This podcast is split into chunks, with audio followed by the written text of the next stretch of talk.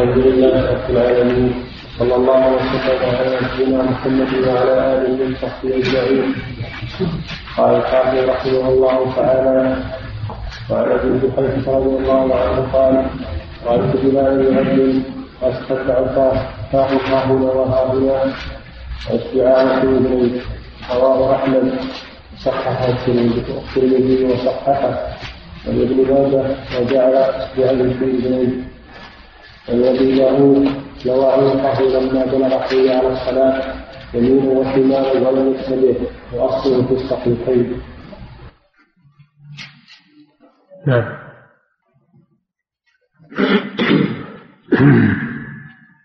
بسم الله الرحمن الرحيم الحمد لله رب العالمين صلى الله وسلم على نبينا محمد وعلى آله وصحبه هذا الحديث في سياق صفة الآذان. فأبو جحيفة رضي الله عنه وهو وهب بن ابن ابن مسلم يصف لنا ما رأى من أذان بلال رضي الله عنه. قال جعلت أتتبع فاه ها هنا وها هنا ومعناه أن بلالا كان يلتفت في الأذان يمينا وشمالا. ولكن جاء ما يقيد هذا الالتفات لأنه في الحي على سير فقط. وليس في كل الأذان. وأن بلالا رضي الله عنه يجعل أصبعيه في أذنيه حال الأذان. بمعنى أنه يدخل أطراف أصبعيه السبابتين في الأذنين. فدل هذا على أن من سنن الأذان أن يجعل المؤذن أصبعيه في أذنيه. في كل الأذان. والحكمة في ذلك والله أعلم أنه أبلغ في رفع الصوت. وأيضا يعلم من رآه من بعد أو الأصم يعلم أنه يؤذن يكون ذلك علامة على الأذان. وضع الأصبعين في الأذنين يكون علامة على الأذان. في حق من لا يسمعه من بعد أو الأصم الذي لا يسمع الصوت.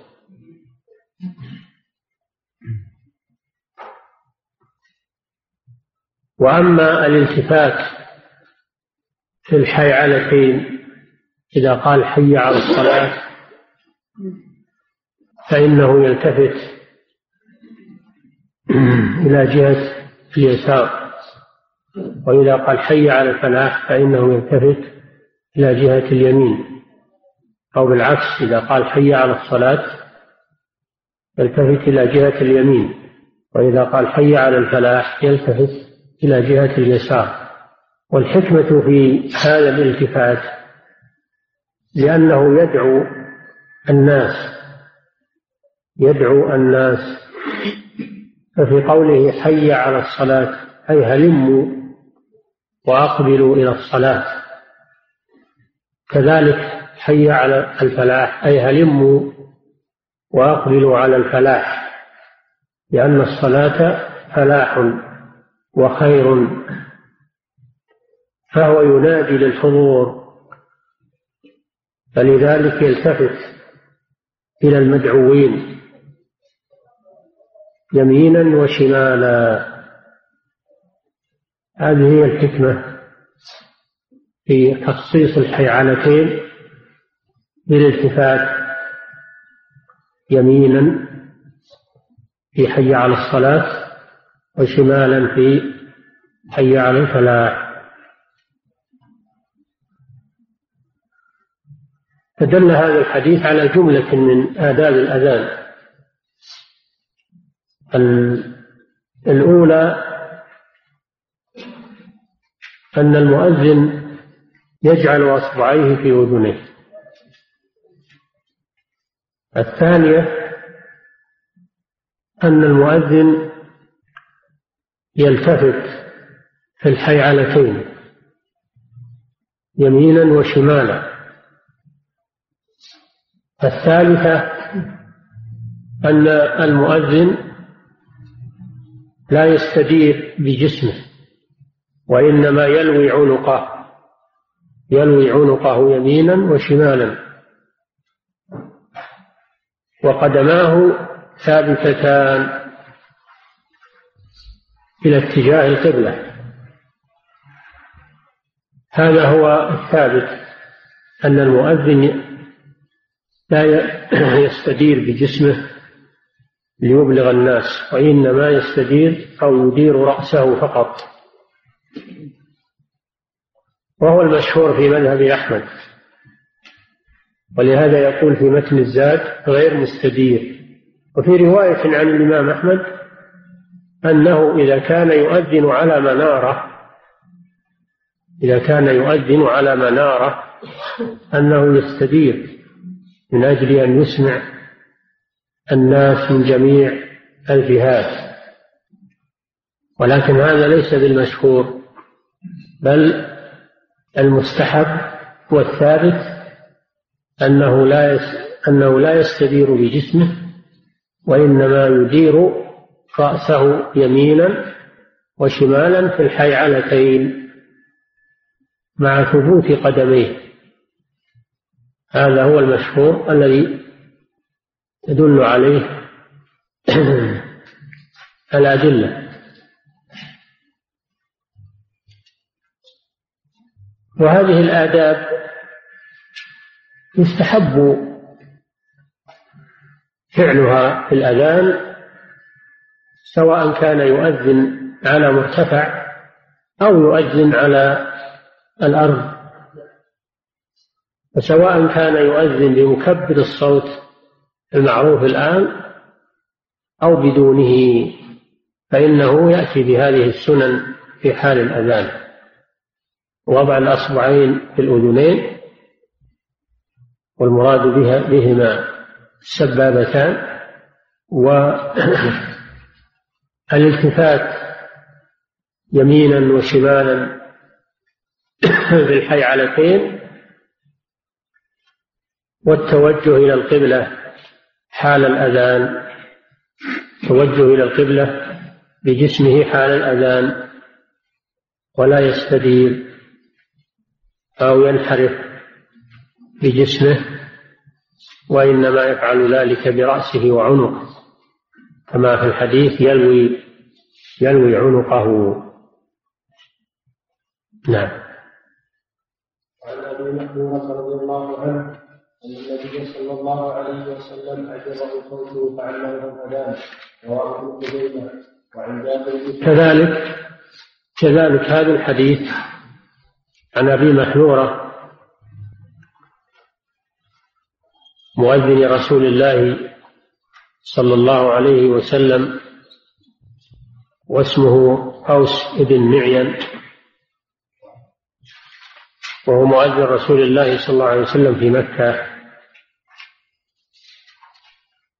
مؤذن رسول الله صلى الله عليه وسلم في مكة. أن النبي صلى الله عليه وسلم يعني سبب أن سبب اختياره سبب اختياره للأذان أن النبي صلى الله عليه وسلم لما سمع صوته أعجبه فعلمه الأذان وجعله مؤذنا في مكة في المسجد الحرام. وذلك في فتح مكة لما فتح النبي صلى الله عليه وسلم مكة وصارت في ولايته صلى الله عليه وسلم كان هناك أطفال يلعبون ومعهم أبو محذورة وكان الأطفال يؤذنون من باب المزح لأن الأطفال كما تعلمون كثير, كثير المزح واللعب. فلما سمعوا الأذان وهم لم يسمعوه من قبل استغربوه فجعلوا يؤذنون من باب اللعب. وكان معهم أبو محذورة فسمعه النبي صلى الله عليه وسلم فأعجبه صوته من بينهم فاستحضره النبي صلى الله عليه وسلم ودعا له وعلمه الأذان وجعله مؤذنا في المسجد الحرام واستمر على ذلك إلى أن توفي رضي الله عنه. الشاهد منه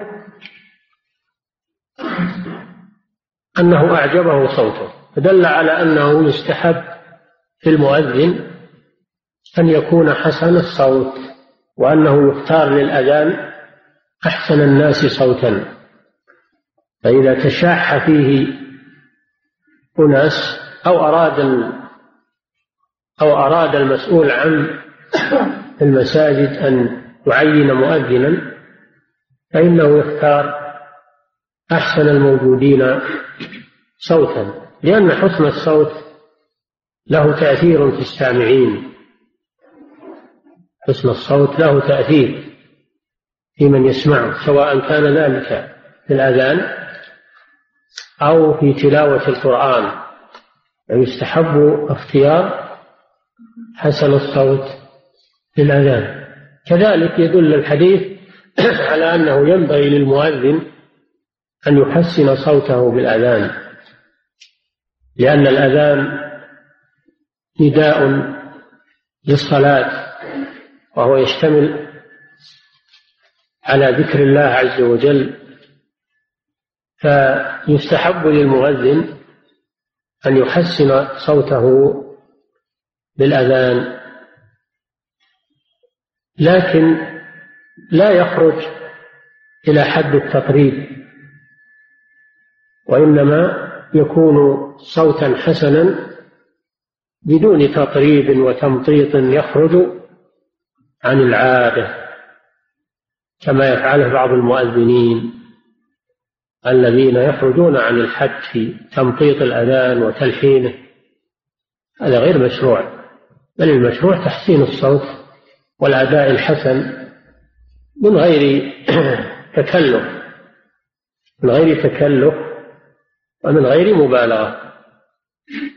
هذا هو المطلوب نعم وعن جابر بن سمرة رضي الله عنه قال صليت مع النبي صلى الله عليه وسلم مرة ولا مرتين رواه مسلم. هذا الحديث عن جابر بن سمرة رضي الله عنه قال حديث عن من؟ عن جابر بن سمرة رضي الله عنه قال صليت مع النبي صلى الله عليه وسلم العيدين غير مرة ولا مرتين من غير أذان ولا إقامة. هذا الحديث فيه مشروعية صلاة العيدين عيد الفطر من رمضان وعيد الأضحى. وهما عيد الإسلام. ليس في الإسلام عيد إلا هذين العيدين عيد الإضحى عيد الفطر وعيد الإضحى.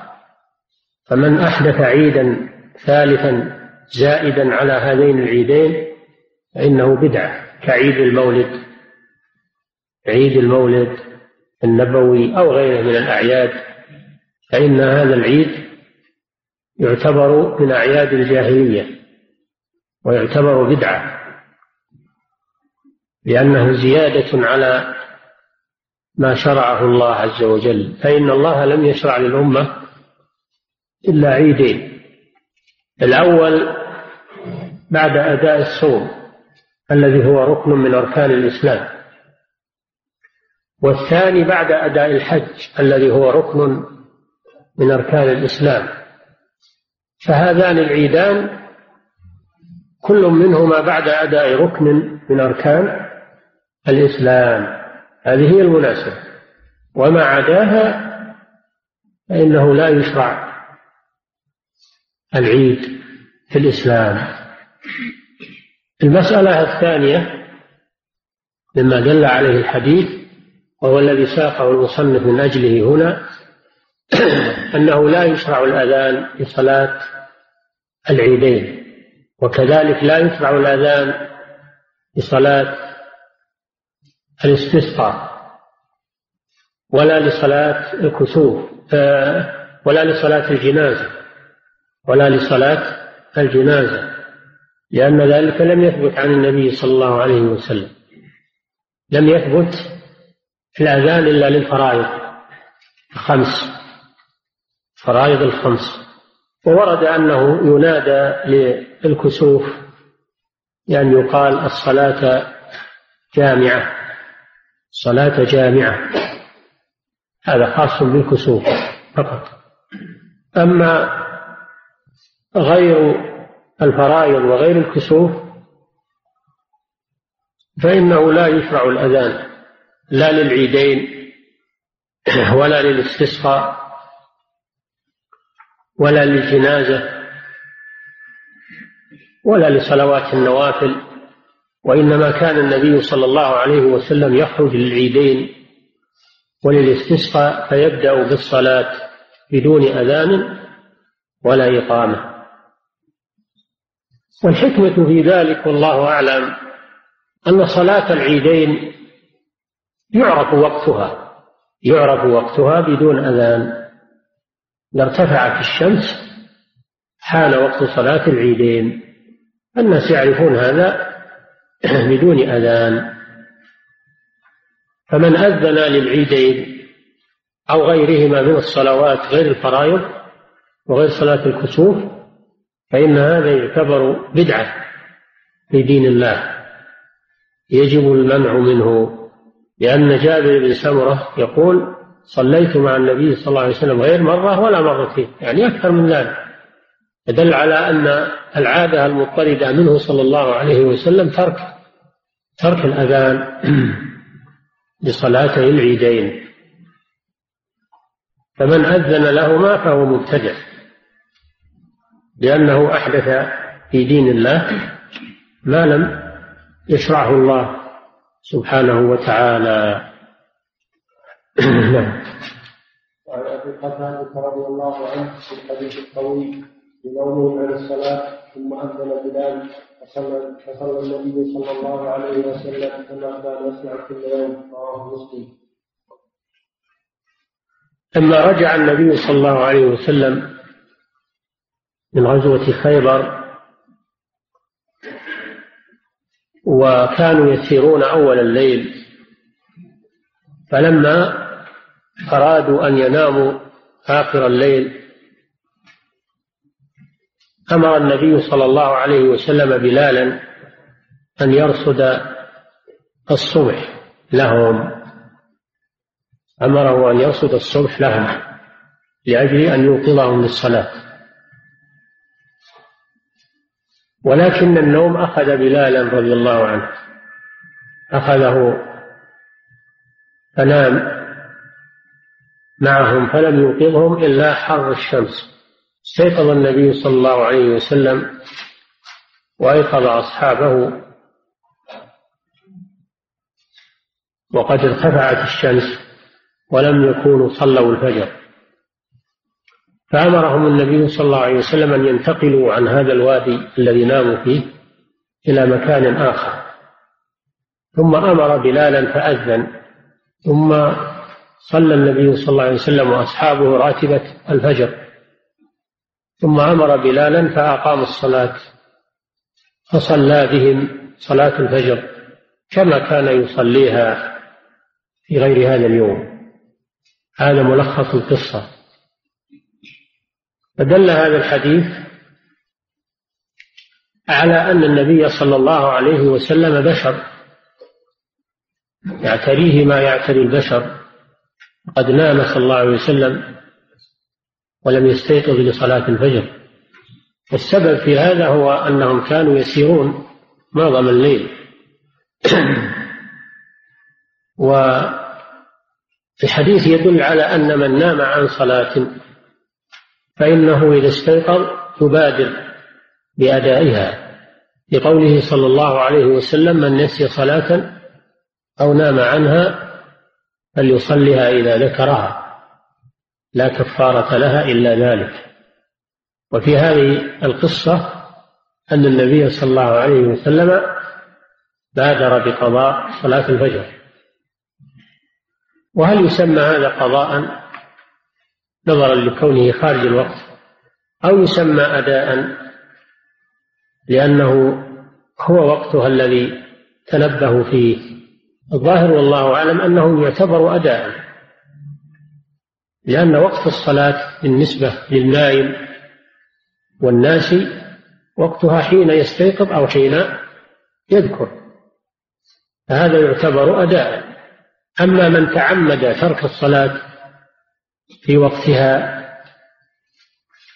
ثم تاب وأراد أن يصلي فالجمهور على أنه يقضي. الجمهور على أنه مع التوبة يقضي. وذهب طائفة من العلماء إلى أنه لا يقضي وإنما تكفي التوبة لأنه تعمد. تعمد إخراجها عن وقتها. وما دام تعمد فإنها لا تصح منه خارج وقتها. ولأن الحديث من نسي صلاة أو نام عنها فدل بمفهومه على أن من تعمد أنه لا يقضي وإنما يتوب إلى الله من جديد بل بعض العلماء يرى أنه يكفر. بعض العلماء يرى أنه إذا تعمد إخراج صلاة عن وقتها أنه يكفر. عليه أن يتوب إلى الله عز وجل. فالأمر شديد. تعمد إخراج الصلاة عن وقتها خطير جدا. وعليه وعيد شديد. ولكن هذا الحديث في المعذور. الذي غلبه النوم ولم يكن من عادته أنه ينام بل كان ناويا وعازما على القيام ولكن غلبه النوم هذا معذور. أما من اعتاد أن يجعل الصلاة بعد ما يستيقظ ولو في النهار فهذا متعمد وليس النوم عذرا في حقه لأنه أصبح متعمدا. كثير من الناس اليوم ابتلوا بالسهر ابتلوا بالسهر وغالبا ما يكون سهرا محرما على الملاهي ومشاهدة الأفلام خصوصا بعد مجيء هذه الآلة الخبيثة آه، المسماة بالدش التي تجلب للناس ما يبث من محطات العالم وفيه الفجور وفيه الكفر والإلحاد فيه الشرور الكثيرة فيه العري وفيه فعل الفواحش. صار يجلب للناس هذه الآفات فصاروا يسحرون هم وعوائلهم عليه ثم إذا كان من آخر الليل ناموا وتركوا صلاة الفجر. فهذه خيبة وخسارة والعياذ بالله. وربما يستمر بعضهم إلى بعد الشمس لأن هذا البث لا ينقطع أبدا أنه متواصل والعياذ بالله. من إتمام الفتنة أنه لا ينقطع لأنه يأتي من محطات مختلفة. هذا من تمام الفتنة والعياذ بالله. والمعافى من عافاه الله. الحاصل أنه كثر في الناس اليوم من يسحر لمصاحبة هذه الفتن ثم ينام عن صلاة الفجر فهؤلاء غير معذورين. وليس هذا هو النوم الذي يعذر صاحبه لأنهم تعمدوا ذلك وتعاطوا السبب الذي يجلبه عليهم فأصبح مألوفا لهم. فكأن الصلاة من الأمور الثانوية أو من الأمور التي ليس لها شأن إن شاءوا صلوا وإن شاءوا لم يصلوا ويصلون متى شاءوا. ولو خارج الوقت. هذا تلاعب بدين الله عز وجل. يخشى عليهم من العقوبة ومن الموت على غير الإسلام والعياذ بالله. المصيبة عظيمة. إن لم يتوبوا إلى الله عز وجل ويتداركوا أنفسهم. الحاصل أن هذا الحديث إنما هو في بيان عذر من غلبه النوم بعض المرات مع حرصه على القيام هذا يعتبر عذرا ولكن من حين يستيقظ يصلي.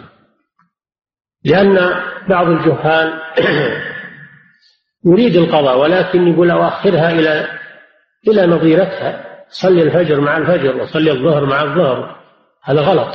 إذا كان عليه عدة صلوات فإنه يصليها في وقت واحد جميعا مرتبة ولا يؤخرها ويوزعها على الأوقات كما يظن بعض العوام. بعضهم إذا استيقظ مع طلوع الشمس فإنه يقول تأخر إلى أن ترتفع الشمس لأن هذا وقت نهي. نقول له أنت في حقك هذا الوقت ليس وقت نهي هو صحيح أنه وقت نهي وقت طلوع الشمس ولكن من استيقظ من النوم ولم يصلي فإنه يصلي في الحال وليس في حقه وقت نهي. لقوله صلى الله عليه وسلم من نسي صلاة أو نام عنها فليصلها إذا ذكرها. فجعل صلاتها وقت الذكر سواء كان وقت طلوع الشمس أو وقت غروبها أو وقت زوال الشمس أو بعد العصر أو بعد الفجر لا ينظر إلى الوقت. وإنما يبادر بالقضاء. هذا هو الواجب عليه. هذا هو الواجب عليه. النبي صلى الله عليه وسلم إنما انتقل من الوادي الذي ناموا فيه لأنه حضرهم فيه الشيطان كما قال صلى الله عليه وسلم. لأنه حضرهم فيه الشيطان. انتقل صلى الله عليه وسلم عن هذا المكان لحضور الشيطان. بين صلى الله عليه وسلم العلة في ذلك. والشاهد من الحديث أن النبي صلى الله عليه وسلم أمر بلالا فأذن. فدل على أنه يؤذن للصلاة ولو كانت خارج الوقت. فإذا أراد الإنسان أن يصلي صلاة مضى وقتها فإنه يؤذن كما يؤذن للصلاة في وقتها. فيؤذن للصلاة الفائتة عند أدائها كما يؤذن لها في وقتها. لأن النبي صلى الله عليه وسلم أمر بلالا فأذن. هذا هو الشاهد من الحديث. كما أنه دل على أن صلاة الليل إذا قضيت في النهار فإنه يجهر فيها بالقراءة. كما أن صلاة النهار إذا قضيت بالليل فإنه يسر فيها بالقراءة. هذا ما يدل عليه هذا الحديث أن الصلاة الفائتة يؤذن لها. هذه واحدة. والثانية أنها إذا كانت جهرية وقضيت بالنهار فإنها يجهر فيها. وإذا كانت سرية وقضيت في الليل فإنه يسر فيها اعتبارا بأصلها. نعم. وعن جابر رضي الله عنه قال أتى النبي صلى الله عليه وسلم المزدلفة فصلى بها المغرب والعشاء بأذان واحد وإقامتين رواه مسلم. وله عن ابي عمر رضي الله عنه قال صلى جمع النبي صلى الله عليه وسلم بين المغرب والعشاء بإقامة واحدة وزاد أبو داود في كل صلاة وفي رواية له ولم ينادي في واحدة منهما. هذا الحديث برواياته حكاية لما فعله صلى الله عليه وسلم في المزدلفة في حجة الوداع. فإنه صلى الله عليه وسلم لما غربت الشمس استحكم غروبها وهو في عرفة دفع إلى المزدلفة. والمزدلفة هي هي المشعر الذي بين مكة بين منى هي المشعر الذي بين بين منى وبين عرفات. هذه هي المزدلفة. وفيها المشعر الحرام أو هي المشعر الحرام. قال تعالى فإذا أفضتم من عرفات فاذكروا الله عند المشعر الحرام والمراد به المزدلفة أو الجبل الذي في المزدلفة ولهذا قال عند عند المشعر الحرام. هذا يدل على أن المراد به الجبل وأن مزدلفة كلها حول هذا الجبل. سميت مزدلفة لأن الحجاج يزدلفون إليها يزدلفون إليها من عرفة يعني ينتقلون إليها من الازدلاف وهو الانتقال. وتسمى جمعا تسمى جمعا لأن الناس يجتمعون فيها. وتسمى بالمشعر الحرام لأن فيها جبل المشعر الحرام. كلها أسماء لهذه البقعة المباركة. فلما وصل فلما أفاض صلى الله عليه وسلم من عرفة واصل السير. وتوضأ في الطريق. فقيل له الصلاة يا رسول الله قال الصلاة أمامك. فواصل السير صلى الله عليه وسلم إلى أن وصل إلى مزدلفة في وقت العشاء. أخر المغرب إلى أن وصل إلى مزدلفة في وقت العشاء فصلى المغرب والعشاء جمعا في المزدلفة فدل على أن الحاج إذا أفاض من عرفات فإنه يؤخر المغرب ويصليها مع العشاء جمع تأخير إذا وصل إلى المزدلفة ولا يصلي في الطريق لأن هذا خلاف سنة النبي صلى الله عليه وسلم. إلا إذا خشي من خروج وقت العشاء. إذا خشي طلوع الفجر أو انتصاف إذا خرج. إذا خشي انتصاف الليل. إذا خشي أن ينتصف الليل قبل وصوله إلى مزدلفة فإنه يصلي في الطريق. أما ما دام لم يخشى فإنه يؤخر المغرب ويصليها مع العشاء جمع تأخير. لكن العكس. اليوم صارت وسائل النقل سريعة. لو وصل إلى المزدلفة في وقت المغرب فهل يصلي المغرب وحدها؟ ثم إذا جاء وقت العشاء يصليها في وقتها أو أنه يجمع العشاء مع المغرب جمع تقدير أو ماذا يفعل؟ الظاهر والله أعلم أنه يصلي المغرب يصلي المغرب أولا في وقتها. ثم إذا جاء وقت العشاء يصليها في وقتها. لأن عذر الجمع زال. عذر الجمع زال وهو مواصلة السير. هذا هو الظاهر. وإن جمع جمع تقديم إن جمع جمع تقديم فهذا جائز أيضا لأن لأنه مسافر.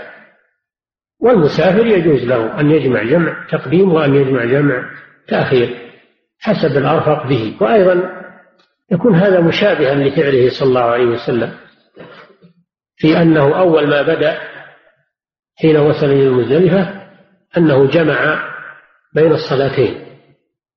فلو جمع جمع تقديم جاز ولو فرق الصلاتين كل صلاة في وقتها فإن هذا يجوز.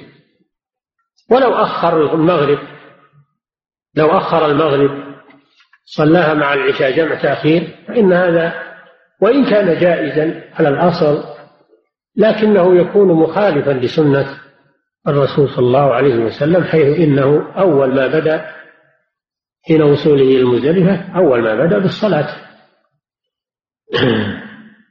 فالأولى ألا يفعل هذه الصورة الأخيرة وهي تأخير العشاء المغرب إلى العشاء في مزدلفة. لأن هذا يخالف ما فعله النبي صلى الله عليه وسلم. لكن قوله بأذان واحد وإقامتين هذا هو محل الشاهد للمصنف من سياق هذا الحديث.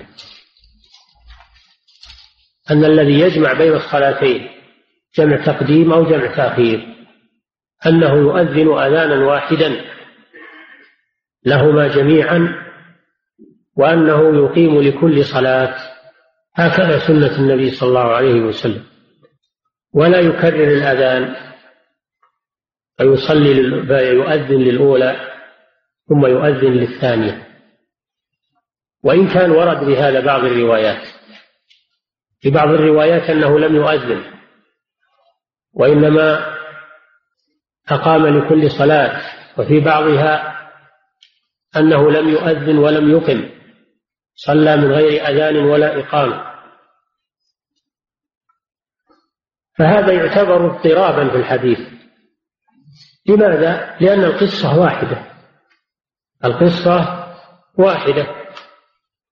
وهي ما فعله صلى الله عليه وسلم في حجة الوداع. فاضطراب الرواة في ذلك. بعضهم يقول أذن أذانين وأقام إقامتين. وبعضهم يقول لم يؤذن ولم يقم لكل منهما. وبعضهم يقول أقام إقامتين بدون أذان لهما. وبعضهم يقول أذن أذانا واحدا وأقام إقامتين. هذا يعتبر اضطرابا في الحديث لأن الحديث في قصة واحدة لم يتكرر منه صلى الله عليه وسلم حتى تحمل كل رواية على حالة. الحالة واحدة فلا مجال للجمع بين هذه الروايات. فيعدل إلى الترجيح يعدل إلى الترجيح. ورواية جابر هي أرجح الروايات ولذلك ساقها المصنف رحمه الله صدر بها الرواية. لأن رواية جابر أرجح من غيرها لكونه رضي الله عنه ساق حجته صلى الله عليه وسلم من حين خرج من المدينة إلى أن رجع إليها. حديث الطويل حديث جابر الطويل الذي اشتمل على بيان المناسك التي فعلها رسول الله صلى الله عليه وسلم في حجه وبيان ما فعله في سفره لهذا الحج ذهابا وإيابا. فحديث جابر هو أرجح الروايات. فلذلك يؤخذ به. فيدل على أن الذي يجمع بين الصلاتين لعذر من الأعذار الشرعية أنه يؤذن أذانا واحدا للأولى ويقيم إقامتين إقامة للصلاة الأولى وإقامة للصلاة الثانية. هذا هو أرجح الروايات وهو الذي عليه أكثر أهل العلم في هذه المسألة. فدل هذا الحديث على مسائل. مسألة الأولى مشروعية الجمع بين الصلاتين في المزدلفة ثم ينام بعدها إلى أن يطلع الفجر ثم يصلي الفجر في أول وقتها ثم يذكر الله بعد الفجر بالدعاء الاستغفار ثم يفيض إلى منى. المسألة الثانية الحديث دليل على أول على أن أول عمل يبدأ به الحاج إذا وصل إلى مزدلفة أنه يبدأ بالصلاة. يبدأ بالصلاة قبل حط رحله ثم إذا صلى المغرب يحط الرحل ثم يصلي العشاء. ثم ينام ليستريح بعد الوقوف بعرفة وتعب الطريق من أجل أن يتقوى للمناسك التي أمامه. إلى أن يطلع الفجر فيصليها في أول وقتها ثم يتفرغ للدعاء بعد صلاة الفجر إلى أن يسفر جدا ثم يفيض إلى منى قبل أن تطلع قبل أن تطلع الشمس. هكذا هديه صلى الله عليه وسلم. ورخص صلى الله عليه وسلم رخص للعجزة وأصحاب الأعذار أن يفيضوا بعد منتصف الليل أو بعد غيبوبة القمر ليلة العاشر. رخص لهم من أجل ضعفهم وعدم تحملهم الرمي بالنهار والمشي في النهار فيجوز للضعفاء ومن في حكمهم أن يدفعوا من مزدلفة بعد منتصف الليل. أما الأقوياء فالمرجح في حقهم أو الواجب أن يبقوا في مزدلفة وأن يفعلوا مثل ما فعل النبي صلى الله عليه وسلم. المسألة الثالثة وهي التي ساق المصنف الحديث من أجلها أن الذي يجمع بين الصلاتين يقتصر على أذان واحد لهما ويقيم لكل صلاة إقامتين. كما فعل النبي صلى الله عليه وسلم في هذا وفي غيره من الأسفار إنه صلى الله عليه وسلم كان يؤذن أذانا واحدا ويقيم إقامتين للصلاتين المجموعتين. هذا هديه صلى الله عليه وسلم. الله تعالى أعلم. صلى الله وسلم على نبينا محمد وعلى آله وصحبه. نعم. بسم الله الرحمن الرحيم. الحمد لله فضيلة الشيخ هل ورد إجابة لصلاة القيام أو التراويح؟ وما حكم ما بعض المؤذنين في قولهم صلاة القيام يا رسول الله أو الجنازة فيقال الصلاة على الميت؟ وما حكم ذلك كما يفعل في الحرم؟ لا لا يشرع الأذان للتراويح ولا للتهجد ولا لصلاة الجنازة. أما قوله صلاة القيام أثابكم الله أو قول صلوا على الجنازة هذا ليس أذانا. هذا ليس من الأذان وإنما هو لتنبيه الناس تنبيه الناس النائمين أو الذين ما دروا عن حضور الجنازة. ينبهون في هذا لا بأس في هذا. ولا يعتبر هذا أذانا وإنما هو تنبيه للحاضرين فقط. نعم. ولو ترك قول صلاة القيام لو ترك لكان أحسن. لأن هذا يتبين بشروع الإمام بالتكبير والقراءة أو تكبير المبلغين يكفي عن قوله صلاة القيام. فتركه في صلاة القيام أحسن. أما في صلاة الجنازة فلا مانع أبدا أن يقول صلوا على الجنازة رحمكم الله. صلوا على الرجل صلوا على المرأة صلوا على الطفل. هذا لا مانع منه لأن الناس ما دروا عن حضور الجنازة خصوصا إذا كانوا في الحرمين الشريفين أو في الجوامع الكبار ما يدرون عن حضور جنازة صفوف المتأخرة ما تدري فينبهون بذلك. لا مانع من ذلك وليس هذا من الأذان هذا من التنبيه فقط. نعم. فضيلة الله لماذا نصبت الصلاة جامعة نصبت على تقدير فعل محذوف أو الإغراء يسمونها الإغراء. يسمون هذا النحاة يسمونه الإغراء. وفيه باب في كتب النحو يسمونه باب الإغراء.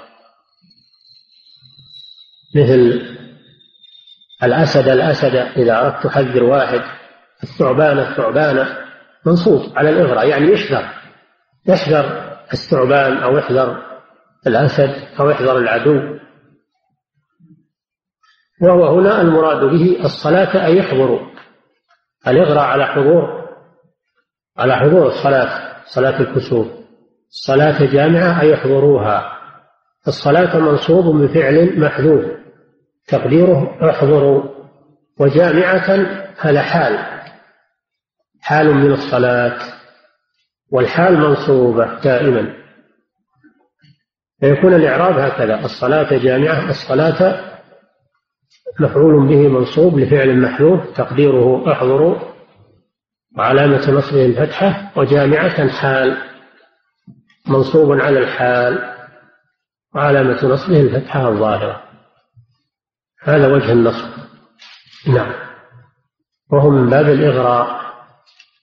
الإغراء يعني التشجيع على الحضور والحث على الحضور. هذا معنى الإغراء. الحث على الشيء. أو الحث على تجنب الشيء والحذر منه نعم قضية الشيخ هل يجوز تقديم فرض على فرض؟ نعم هل يجوز تقديم فرض على فرض؟ يعني في الفوائد الفوائد تقضى مرتبة لا يجوز تقديم فرض على فرض بل يجب الترتيب أن تصلى المغرب ثم تصلى بعدها العشاء وهكذا.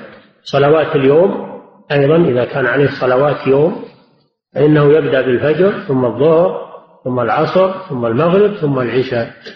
لا بد من الترتيب بينها. ولو قدم بعضها على بعض فإن هذا لا يصح. نعم. فضيلة الشيخ كيف نجمع بين القصة التي ذكر فيها نوم النبي صلى الله عليه وسلم عن صلاة الفجر وحديث إن تنام عيني وقلبي ولا ينام قلبي. نعم. الجمع أن الغالب عليه صلى الله عليه وسلم أنه لا ينام قلبه. لا ينام قلبه. هذا هو الغالب من أحواله صلى الله عليه وسلم. لكن قد يعرض له بعض الأحيان أنه ينام عن صلاة ولا ولا ولا ذكر هذا عنه إلا في هذه الحادثة حادثة السفر. ما ذكر أنه نام عن فريضة إلا عن صلاة الفجر في هذا السفر. والحكمة في ذلك لأجل التشريع للأمة لأجل التشريع للأمة. لله في ذلك حكمة ومصلحة للأمة يشرع لها ماذا تفعل إذا حدث لها مثل هذا العذر كما أنه صلى الله عليه وسلم سهى في الصلاة وقال إنني بشر أنسى كما تنسون. كما أنه سهى في الصلاة عليه الصلاة والسلام لأجل مصلحة الأمة من أجل أن يشرع لها ماذا تفعل إذا حصل لها سهو في الصلاة. فهو قد يحصل له بعض العوارض لحكمة التشريع للأمة. نعم. ولا تعارض في أنه تنام عيناه ولا ينام. إنه لا لم يقل أحد إنه نام قلبه في هذه القصة. نعم. فضيلة الشيخ هل يشترط في الأذان والإقامة استقبال القبلة؟ وهل وهل الالتفات في غير الحنفلة يمكن الأذان؟ نعم كل عبادة من العبادات الأحسن أن يستقبل بها القبلة. كل عبادة. كل عبادة الأحسن أن يستقبل بها القبلة. حال قراءة القرآن وفي مجالس الذكر وفي جميع العبادات إذا تيسر استقبل بها القبلة. فإن استقبال القبلة سنة جميع العبادات. الذبيحة الميت إذا وضع في قبره كل ذلك يستقبل به القبلة. والأذان عبادة فيستقبل به القبلة. ولو أذن إلى غير القبلة فأذانه صحيح. لا لا يبطل. أذانه صحيح. ولهذا جاء في المذهب في رواية عن أحمد أنه إذا كان على منارة أنه يستدير. ولا شك أنه إذا استدار يحصل له استدبار القبلة في بعض حالاته. فلا يبطل أذانه بالاستدبار. وإنما يكون تاركا لسنة. نعم. شو السؤال الثاني؟ وهل الالتفات في غير الحوصلة يبطل الأذان؟ ذكرنا هذا قلنا لا يبطل الأذان ولكنه خلاف السنة. لأن لأن الالتفات إنما ورد في الحي على شيئين فمن التفت في غيرهما فقد خالف السنة. وإلا الأذان لا يبطل بهذا لأن هذا من سنن الأذان وليس من شروطه. نعم. فضيلة الشيخ الوضع قام الكف على الأذنين يكفي عن الإصبعين هذا الأذان لا. لا يكفي إلا ما ورد في الحديث وهو وضع أصبعيه في أذنيه.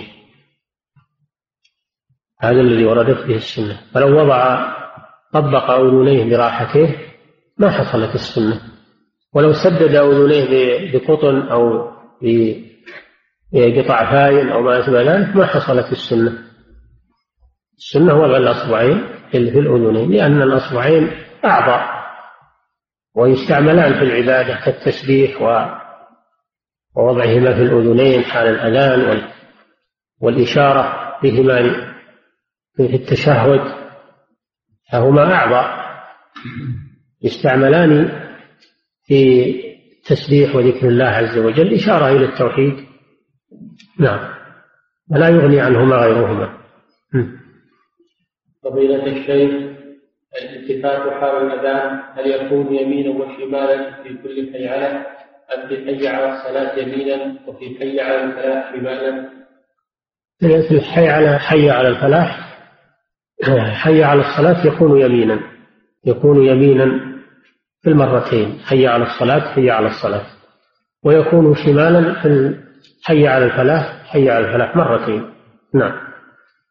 فضيلة الشيخ لو ترك الجهر في الصلاة الجهرية فهل يسجد سجود السهو؟ وإن كان متعمدا هل تبطل الصلاة؟ الصلاة لا تبطل لأن الجهر سنة. لأن الجهر سنة. فلو صلى فلو صلى بالليل سرا ولم يجهر فصلاته صحيحة ولكنه تارك لسنة. ولو جهر في النهار وترك الإسرار فصلاته صحيحة. ولكنه تارك لسنة وهي الإسرار. وإذا ترك الجهر أو الإسرار سهوا استحب له سجود السهو. لأن من ترك سنة من سنن الصلاة سهوا فإنه يستحب له سجود السهو. أما سجود السهو لترك الواجب أو للزيادة أو النقص في الصلاة فإنه واجب. أما لترك سنة فإنه مستحب. نعم. فضيلة الشيخ إذا كان الإمام يصلي بقوم لم يؤذنوا للصلاة مثل بعض المدارس الآن فهل الأفضل أن يقيمه أو يقيم أحد غيره؟ لا بأس أن يقيم واحد من الحاضرين يقيمه أو يقيم واحد غيره من الحاضرين لا بأس بذلك. والأذان لو أذنوا يكون أحسن. لو أذنوا لكان أحسن ولكن يسقط عنهم الأذان بأذان البلد. والمساجد التي بجوارهم يسقط الواجب. أما السنة فأن يؤذنوا في مكانهم. هذا هو السنة. نعم. فضيلة الشيخ هل يجوز للمنفرد وأيضا المسافر أن يصلي من غير إقامة ولا أذان؟ يجوز نعم. يجوز لكنه خلاف الأفضل. الأفضل أن يؤذن وأن يقيم ولو كان واحدا ليحصل على أجر الأذان والإقامة. لكن لو لو صلى بدون أذان ولا إقامة فصلاته صحيحة. نعم. بل لو كانوا جماعة في السفر لو كانوا جماعة في السفر وصلوا بلا أذان ولا إقامة فصلاتهم صحيحة. لكن يكونون تاركين لسنة لأن الأذان في السفر سنة. وإنما يجب الأذان على الكفاية في الحضر. يجب الأذان على الكفاية في الحضر. أما السفر فإنه مسنون. وبعض العلماء يرى وجوبه حتى في السفر. وهذا أرجح. وجوبه حتى في السفر على الجماعة أرجح. نعم. لقوله صلى الله عليه وسلم إذا حضرت الصلاة فليؤذن لكم أحدكم وليؤمكم أكبركم. هذا عام. نعم. فضيلة الشيخ ما حكم من نزل منزلا وهو مسافر وأراد أن يجمع بين الصلاتين جمع تأخير. هل يؤذن عند الدخول الأولى أم يقتصر على أذان الثانية؟ لا يؤذن عند الصلاة. يؤذن عند عند الصلاة. عند الثانية ما يريد أن يجمع جمع تأخير يؤذن للأولى منهما.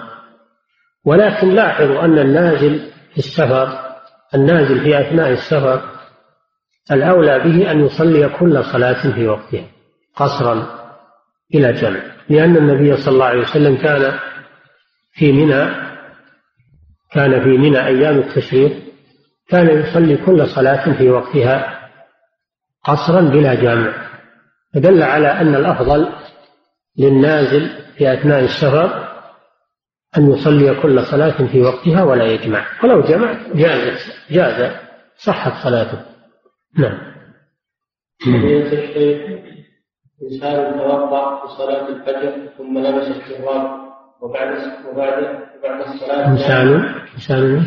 توضأ في صلاة الفجر ثم لبس الشراب نعم. وبعد صلاة الفجر نام ثم بعد القيام لبس شراب آخر على الأولى ثم مسح عليهما بصلاة الظهر والعصر ناسيا فما الحكم في ذلك؟ هل صلاته صحيحة؟ أم عليه أم عليه القضاء؟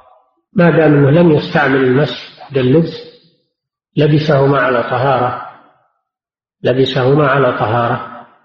ولم يستعمل المسح بعد اللبس. المدة تبدأ على الصحيح من المسح بعد اللبس على طهارة. فتغييرهما قبل المسحة الأولى لا يضر إن شاء الله. نعم.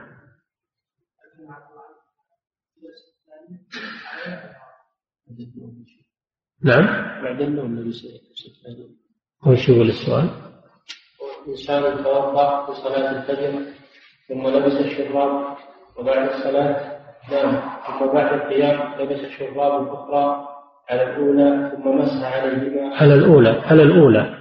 يعني الأولى باقية. يعني لبس شراب فوق شراب. يعني يمسح على الأعلى ما يخالف لا بأس. ما خلع ما خلع الأولى. فحكم المسح باق ولبس عليه شرابا آخر قبل المسح فيكون الحكم للأعلى. يمسح عليه لا بأس. نعم. ها؟ لا إذا خلعه بطل المسح إذا خلعه بطل المسح.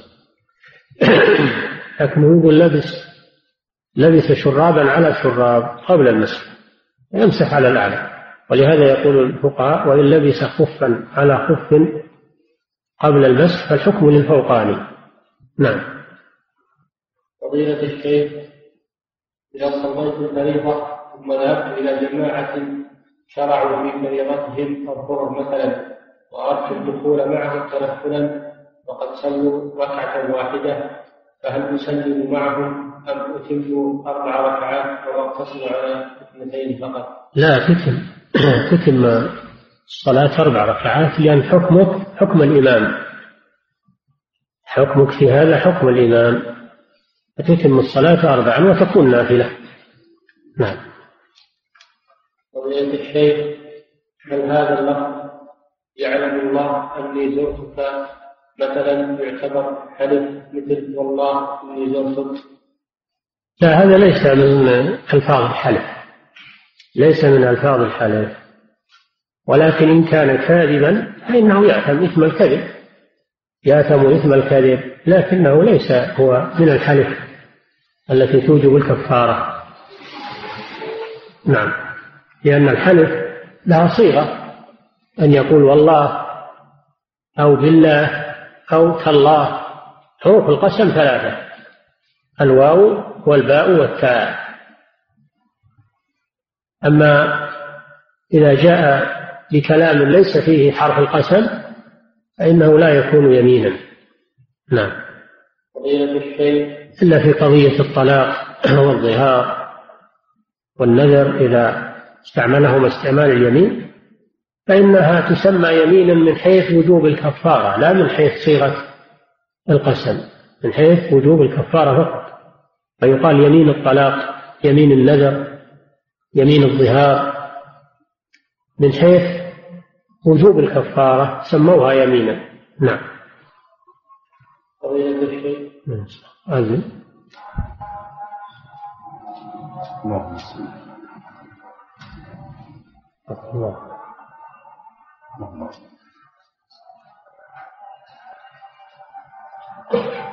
نعم. قضية الشيء ما حكم جمع بين صلاة الظهر والعصر؟ والجمع بين صلاة المغرب والعشاء بسبب المطر بسبب المطر والوحل أرجو التفصيل في ذلك لأنه كثر التهاون فيه ويحصل فيه نقاط في المساجد حين يطلب من الإمام الجمع وهو يرفض. نعم الجمع بين المغرب والعشاء من أجل الوحل الشديد أو المطر الذي ينزل من السماء ويبل الثياب ويحصل مشقة على المأمومين. الجمع مباح. الجمع مباح في هذه الحالة دفعا للحرج عن المأمومين. يجمع المغرب والعشاء جمع تقديم من أجل رفع الحرج عن المأمومين. وهذا لا بأس به وهذا معروف. في المذهب وعند علماء هذه البلاد لم ينكره أحد.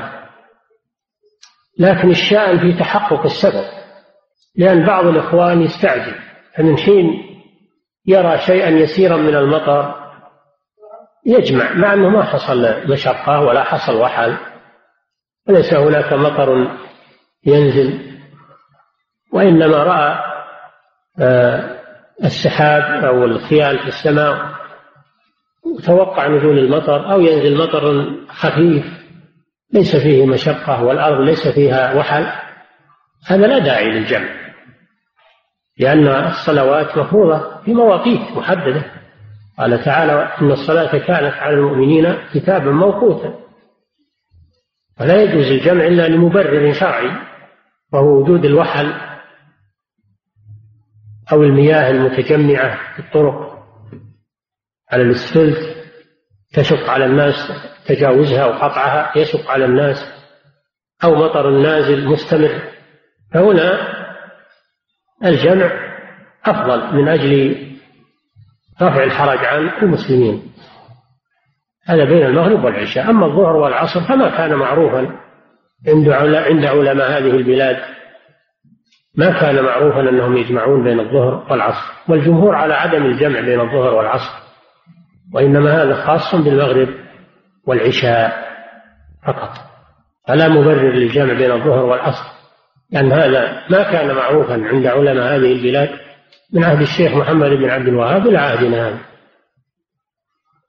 وثانيا أن الظهر والعصر يختلفان عن المغرب والعشاء لأن الظهر والعصر في النهار والناس في أعمالهم في دكاكينهم في مكاتبهم في في أسواقهم الناس في أعمالهم بخلاف المغرب والعشاء فإن الناس يحتاجون إلى الكن ويحتاجون إلى البيوت. وأيضا المغرب والعشاء في الغالب فيه ظلمة.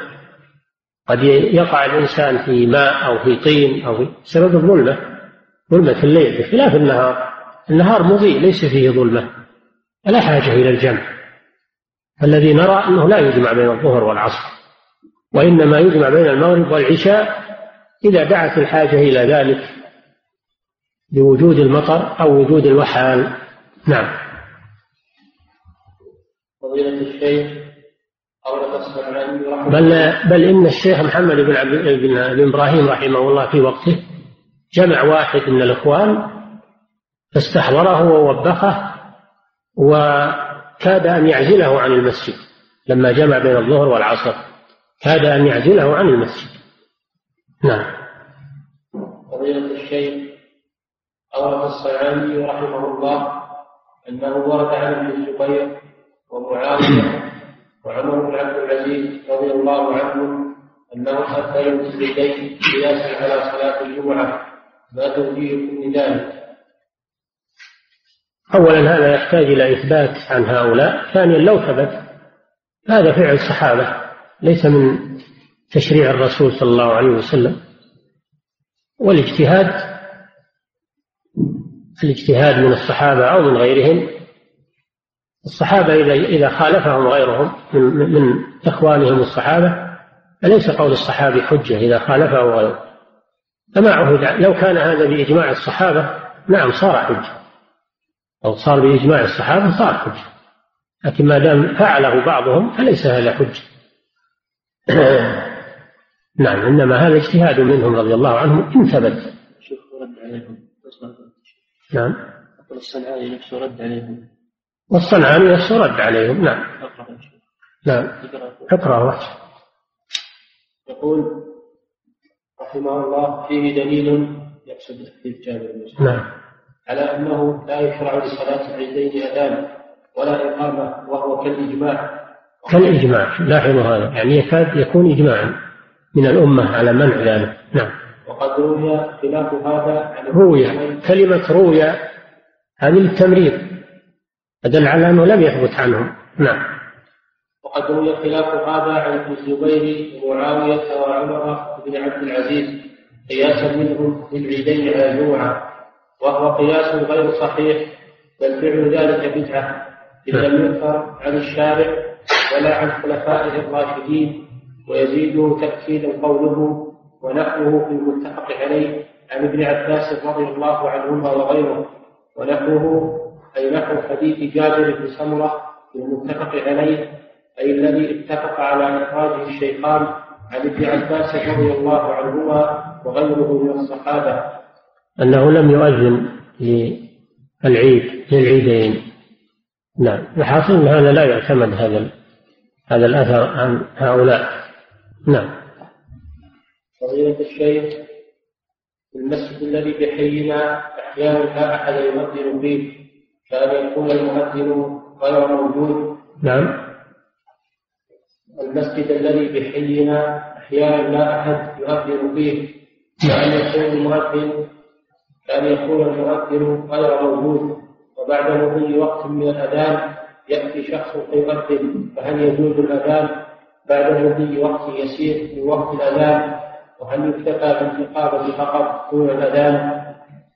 إذا كان الأذان المتأخر يشوش على الناس فلا يؤذن كما لو كان الفجر والناس يصومون فإذا تأخر الأذان يغرب للناس قد يأكل بعضهم بعد طلوع الفجر فلا يؤذن لا يؤذن لأن هذا يترتب عليه أن بعض الناس يغتر به ويأكل ويشرب بعد طلوع الفجر وهو يريد الصيام. في هذه الحالة لا يؤذن إذا تأخر. يكتفي بأذان من قبله. أما إذا لم يترتب عليه محذور الأذان الظهر أو العصر فلا بأس أنه يؤذن. لا بأس أنه أن يؤذن. نعم. فضيلة الشيخ بعض الناس يقف في صلاة العيد ويقول الصلاة جامعة عدة مرات فما الحكم في ذلك؟ حكم أنه بدعة. حكم أنه بدعة ويجب نصيحة هذا الشخص بأن يترك هذا العمل أنه بدعة. النبي صلى الله عليه وسلم كان هديه في صلاة الاستسقاء في صلاة العيدين أنه يخرج ويبدأ بالصلاة من غير أذان ولا إقامة. فهذا الذي يقوم يقول الصلاة جامعة أو ما أشبه ذلك يعتبر بدعة. نعم. فضيلة الشيخ شخص يعمل في محل لبيع الأدوات الكهربائية المختلفة. ومن ضمن هذه الأدوات تلفزيونات وفيديوهات فهل يجوز له العمل في هذا المحل؟ وهو مجرد عامل يقوم بكتابة الفواتير. آه مسألة بيع الفيديو وبيع التلفزيون هذا فيه ما فيه لأنه يستعمل الغالب أنه يستعمل للشر فهو فيه إعانة لمن يريدون الشر والنظر إلى الأمور المحرمة فترك بيعه أحوط للذمة وأبرأ للذمة. فلو أنك طلبت أنك تكون في عمل فرعي غير العمل بيع تسجيل التلفزيون والفيديو تسجل الأشياء الأخرى وهذه ما تتولاها كن أبرأ لذمتك. نعم. فضيلة الشيخ. نعم واحد. واحد سؤال واحد. كنت في بلد غير المملكة وحضرت الصلاة وقد ابتلي هذا البلد بالقبور في المساجد. فهل أصلي في مسجد به قبر ليس جهة القبلة الصلوات الخمس والجمعة؟ لا تصلي في هذا المسجد. المسجد المقام على قبر سواء كان في جهة القبلة أو في غير جهة القبلة. ما دام أن المسجد مبني على قبر فإن الصلاة فيه غير صحيحة. لأن النبي صلى الله عليه وسلم نهى عن الصلاة عند القبور. لم يخص هذا باستقبالها بل عند القبور سواء كانت على يمينه أو شماله أو خلف ظهره أو أمامه ما دام